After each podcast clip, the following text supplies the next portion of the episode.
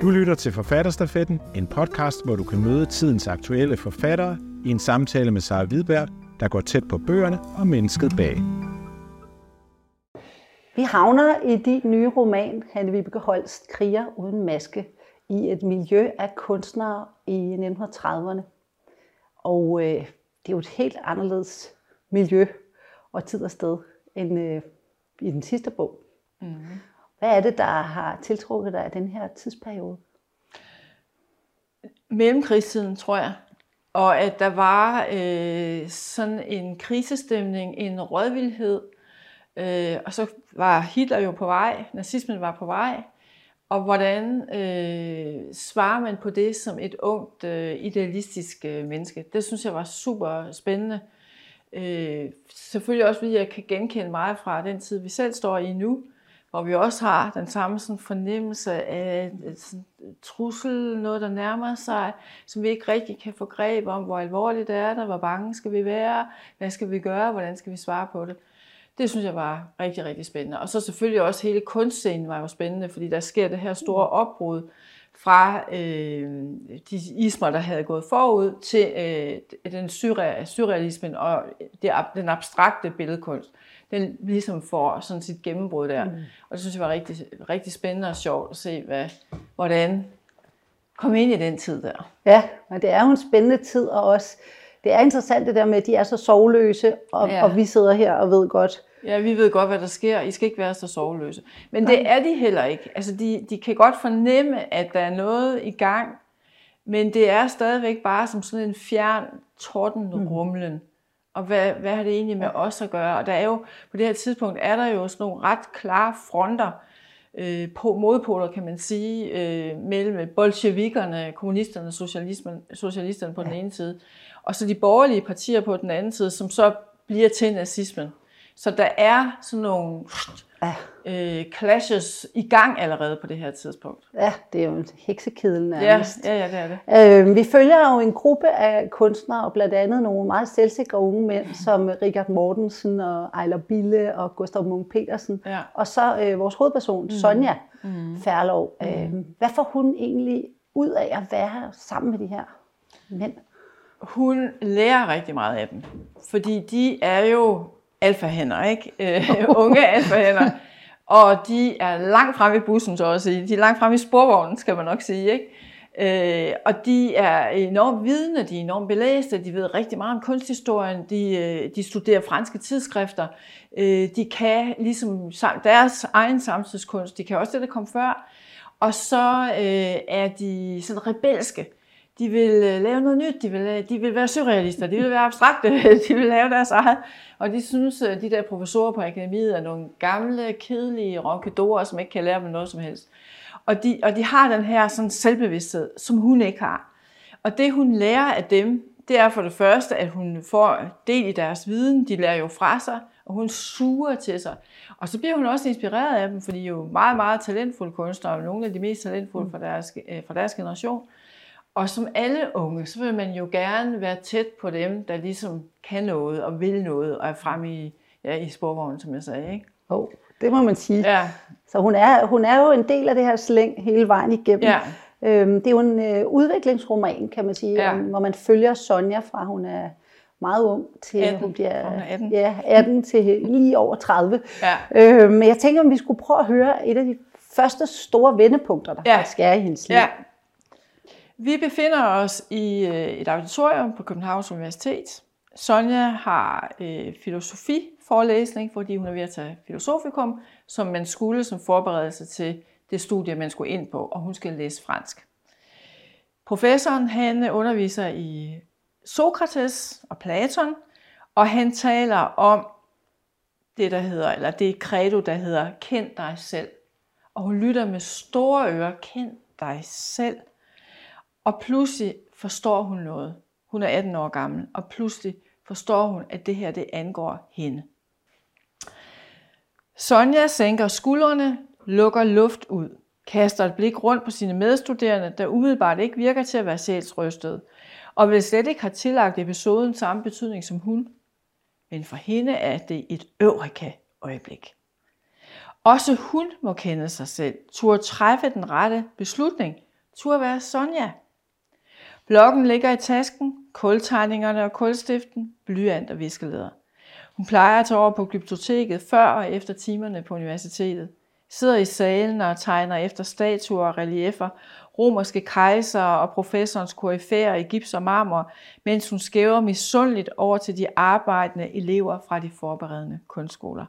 Dem, der er ved at lægge op til kunstakademiet. Det er der, hun hører til. Ikke her på universitetet. Beslutsomt samler hun sine ting sammen, rejser sig, kanter sig ud, kan ikke undgå at vække opmærksomhed. den Færlov siger den trænde professor forbløffet, uvandt med, at netop hun forlader forelæsning i utid. Vi har et kvarter tilbage.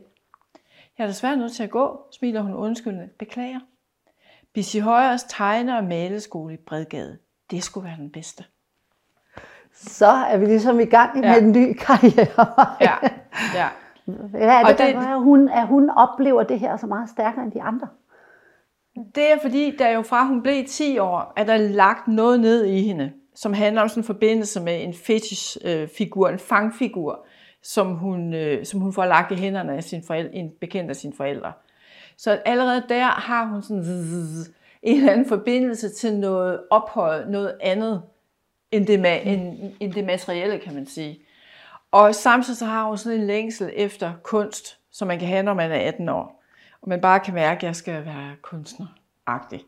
Men fordi hun er vokset op i det her overklassemiljø, hvor der ikke er nogen tradition for at være kunstner eller kreativ i sådan den her seriøse forstand, så er hun jo kommet ud af den her pølsefabrik, kan man sige, og er klar til at blive øh, øh komme i, i tarme og blive spillet ud som, som øh, fransk, øh, kendt med i fransk. Ikke? Og pludselig så kan hun jo mærke, at det er jo forkert. Det er jo ikke det her, jeg skal. Jeg skal jo ikke føje mine forældre. Jeg skal jo være mig selv. Jeg skal være tro mod mig selv. Og det er derfor, hun foretager det her første oprør, opgør, kan man kalde det. Og, og så starter det, og der møder hun jo nærmest lige bagefter en af de mennesker, som kommer til at betyde vildt meget. Om 20 minutter, så, så møder hun Richard Mortensen, som hun forelsker sig hovedkuls i, ja. og uh, Ejner Bille, som bliver hendes livsange ven. Ja, og så er man i gang. Øhm, hvad er det også ved Sonjas øh, liv og fortælling her, som gør hende interessant sådan i et større historisk perspektiv? Oh.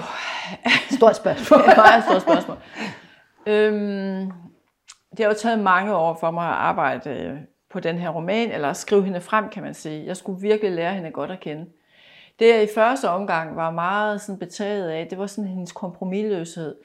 Øh, jeg lærte hurtigt, at hun jo kommer til Paris, øh, hun møder en sort sydafrikansk kunstner, som hun bliver gift med, hun får et barn med ham, hun lever i fattigdom, i, først i en skov langt pokker i vold uden for Paris, og hun lever de sidste 20 år af sit liv i sådan et nedlagt, en nedlagt øh, vinbutik, en lille bitte atelier, hvor hele familien bor.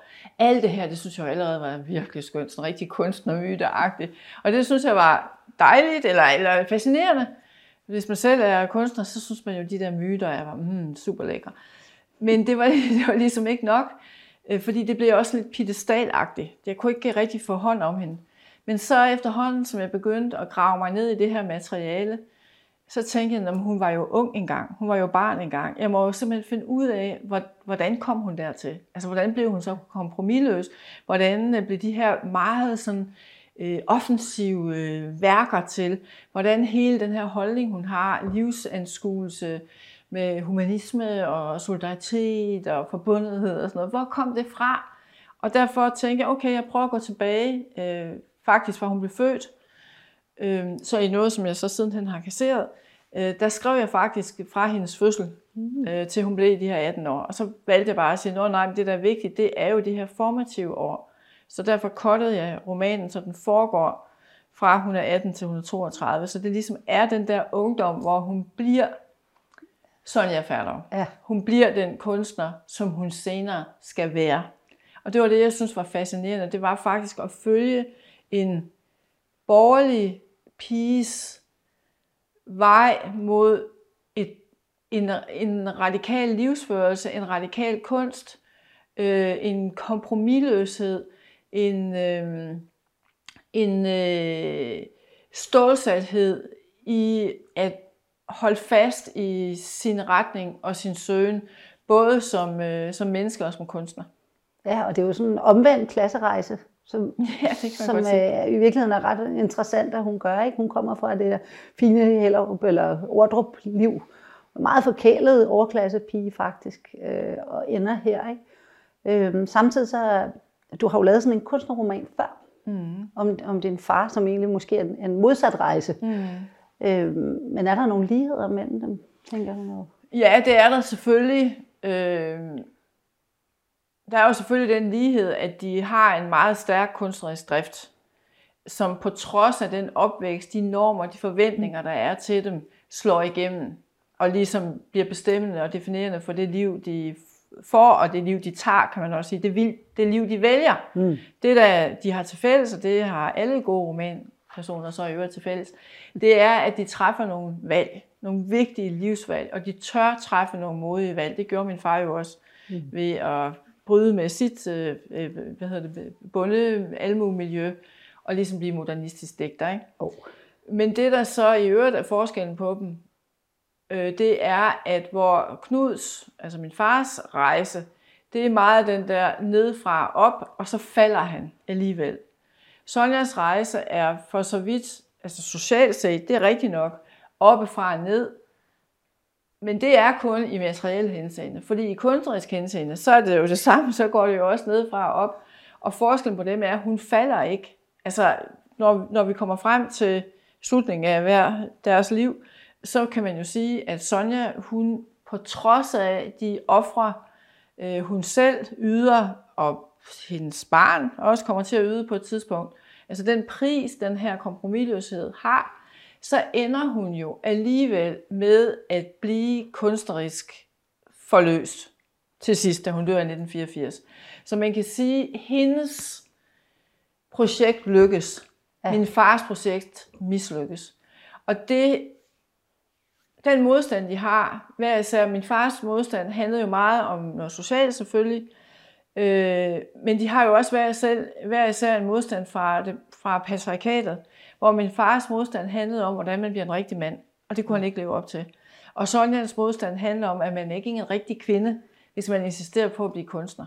Altså så er man mærkelig, ja. eller for, forbryder sig mod den forventning, der er til det med at blive en rigtig kvinde.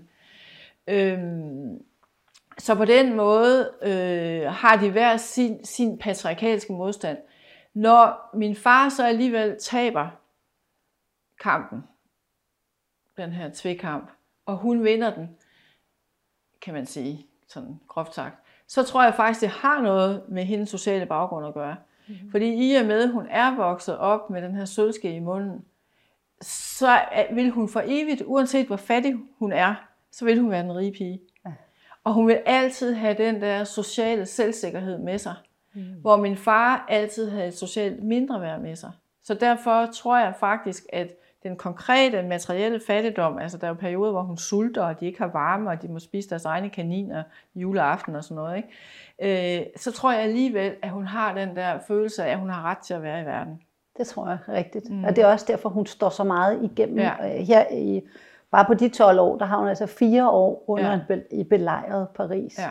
som jo er umenneskeligt hårdt. Ja når man læser det. Ja, ja, hun er alene og ensom. Og... Ja, hun fandt ting i ryggen, som havde været meget nemmere. Ikke? Ja, jo, jo, jo. Øh, hvordan, hvordan var det at skulle skrive sig ind i sådan en ung, ung menneske? Altså, og, jeg lagde jo mærke til sproget blandt andet, at, at du er god til at få det frem, også deres jargon med hinanden. Ja, og det skulle jo være en ung 30'er jargon. Det skulle jo ikke være en ung øh, 20'er jargon, vel? Nej. Øh, altså 20-20'er jargon. Øh, og det har jeg arbejdet rigtig, rigtig meget med, hele den her sproglige tone. Og at de siger de rigtige ting. De bruger selvfølgelig slang på fuldstændig samme måde, som unge mennesker gør i dag, men det er jo bare en anden form for slang. Og det har jeg jo fundet i datidens litteratur, i aviser, i tidsskrifter, i gamle film. Altså det har jeg fundet i hele min research, hvordan var det egentlig, man talte dengang. Og det er jo noget af det, jeg som sprogmenneske synes er rigtig sjovt. altså jeg blev jo glad, da jeg pludselig faldt over død og kridte. Det er også noget, jeg synes er rigtig sjovt, at de siger det. Og til vaskepadde og sådan noget. Ikke? Altså, det synes jeg var rigtig sjovt. Så så noget, som var vigtigt for mig, og som jeg har været meget bevidst om, det var jo også, at de var unge. Og at jeg ikke måtte lægge min nogen og 60-årige bevidsthed ned over dem. Altså, de skulle ikke tænke med min bevidsthed, de skulle heller ikke tale med min bevidsthed, de skulle ikke reflektere med en 60-årigs bevidsthed.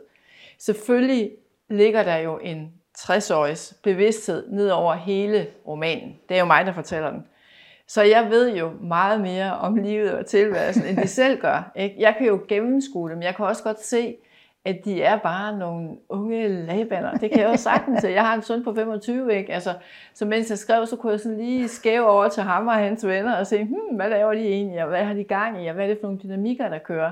Hvad er det ligesom den der, sådan, nu skal vi ud og erobre verden de har. Og det lånte jeg rigtig meget af. Så, så det var en måde at lære det på. På Sonjas side, det der med at være ung, ung lidt usikker pige, ja. som godt ved, at hun har noget og kan noget og vil noget. Der var jo kun et sted, jeg kunne finde det henne, og det var her. Det var i mig selv. Ja. Så jeg måtte jo tilbage og huske, hvordan var det, hvordan var det nu, da du var 18 år? Rent faktisk var jeg jo i Paris, da jeg var 18 år. Ja. Fra, fra jeg var 18 til 19 efter studentereksamen.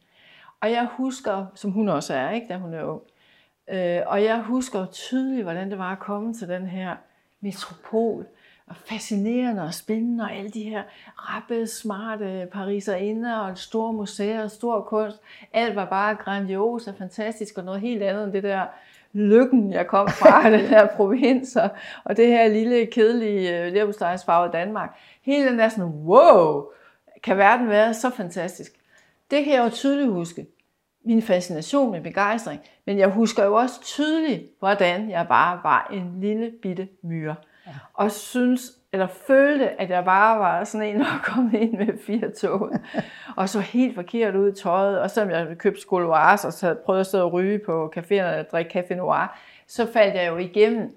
Det jeg ikke så, det var jo, at de så jo en blond, blå, ung, rundkindet skandinav, som de jo synes var super fascinerende, ja. men det, det kunne jeg jo ikke se. Jeg kunne kun se, at jeg faldt fuldstændig igennem. Og så det måtte jeg jo hente hende. Jeg måtte også hente hele den der øh, kunstneriske usikkerhed. Altså jeg var jo ikke billedkunstner, men skrivende. Kan jeg skrive? Hvad skal jeg skrive? Og, uh, uh. og jamen, jeg må hellere blive journalist, fordi jeg kan jo ikke bare blive forfatter. Så jeg må søge ind på journalisthøjskolen, hvilket jeg gjorde og kom ind, og jeg er uddannet journalist. Men, men, men alt det der, kærlighed, mm. usikker i kærlighed, blive forelsket i nogen, der ikke vil have en. Oh, og godt vide, at det vil han jo ikke. Ligesom hun er forelsket ja. i Morten, Richard Mortensen der, ikke? Og hun får ham ikke. Og sådan små stræk, der har hun ham lidt.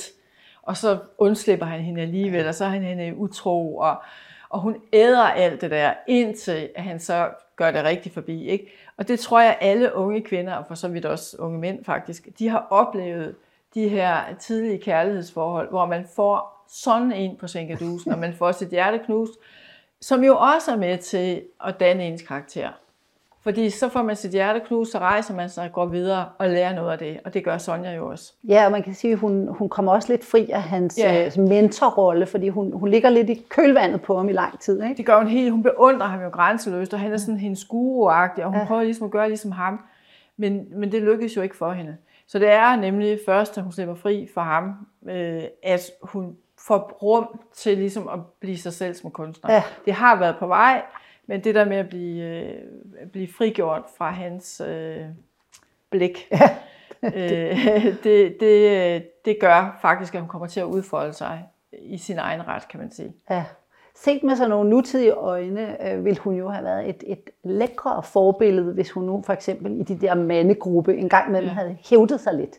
Det ville være så skønt, hvis hun havde været feminist øh, og øh, opført sig feministisk.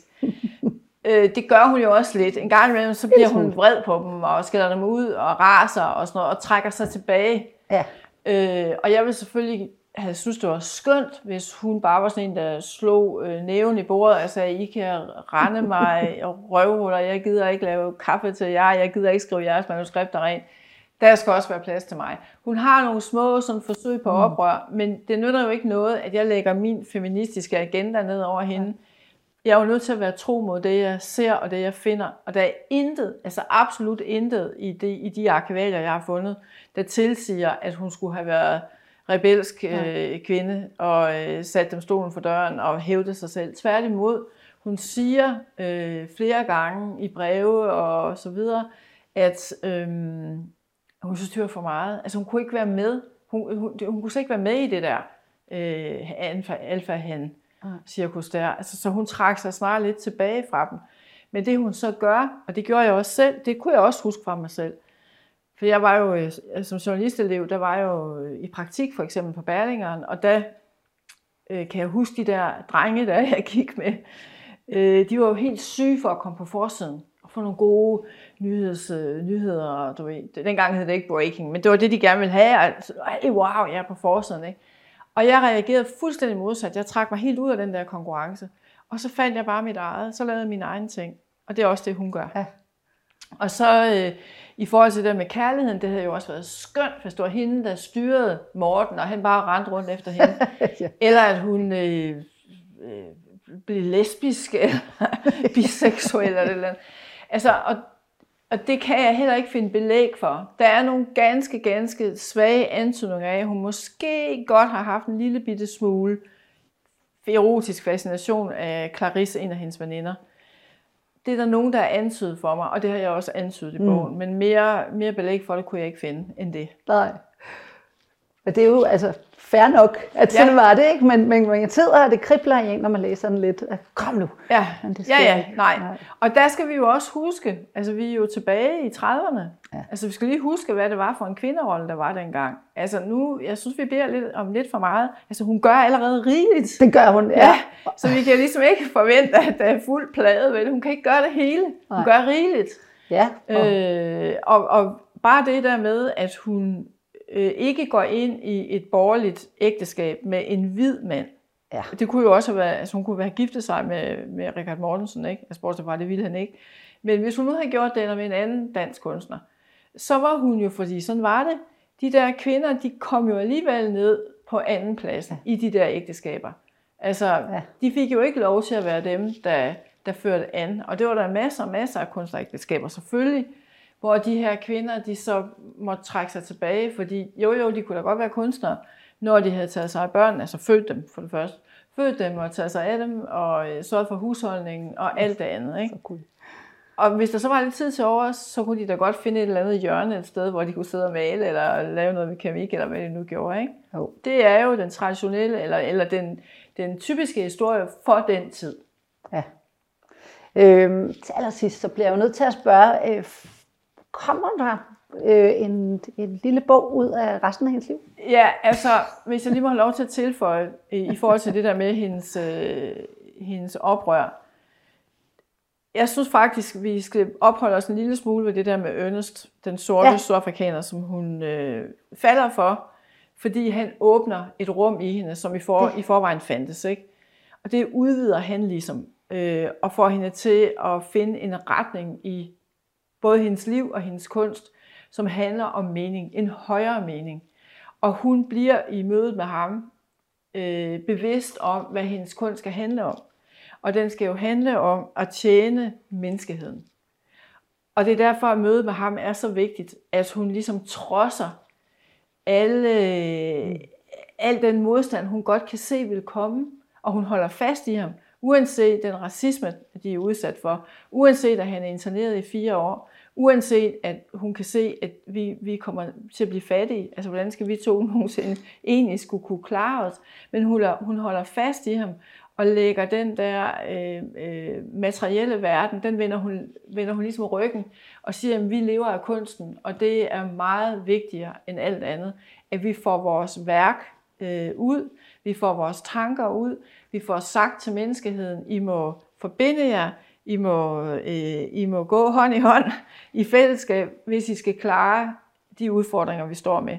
Og det synes jeg jo er selvfølgelig super naivt, meget idealistisk, men jeg synes jo også, det er der, vi er nu selv. Ja. Altså i vores tid, mener jeg. Der, det handler jo også om, at vi skal genfinde det der fællesskab, humanismen, solidariteten osv. Og det er derfor, han bliver så vigtig for hende, øh, Ernest, at, at at hun går så vidt, som hun går. Og hun bliver ved. Og i øvrigt, så skal det siges, at romanen den slutter i øh, 44, da øh, besættelsen af Paris ophører, og han kommer ud af sin interneringslejr Ernest. Der slutter den, og det gjorde den, fordi det var jo sådan en afrundet historie, som handler om hendes ungdom. Så det gav ligesom ikke mening at skulle til at fortælle videre, fordi den anden halvdel af hendes liv handler jo om, hvad det koster at være så kompromilløs. Ja. Fordi den første halvdel, der er hun kompromilløs på den her lidt forkælede, overklædsagtige ja. måde, hvor man ikke ved, hvad prisen er. Fordi hun har aldrig været vant til, at noget kostede noget. Nej. Så det ved hun ikke. Og derfor er hun også sådan, jeg gør bare det her, og fuck you, og sådan, ikke? Men i anden halvdel af sit liv, der skal hun jo til at betale regningen for de kompromilløse valg, hun har truffet.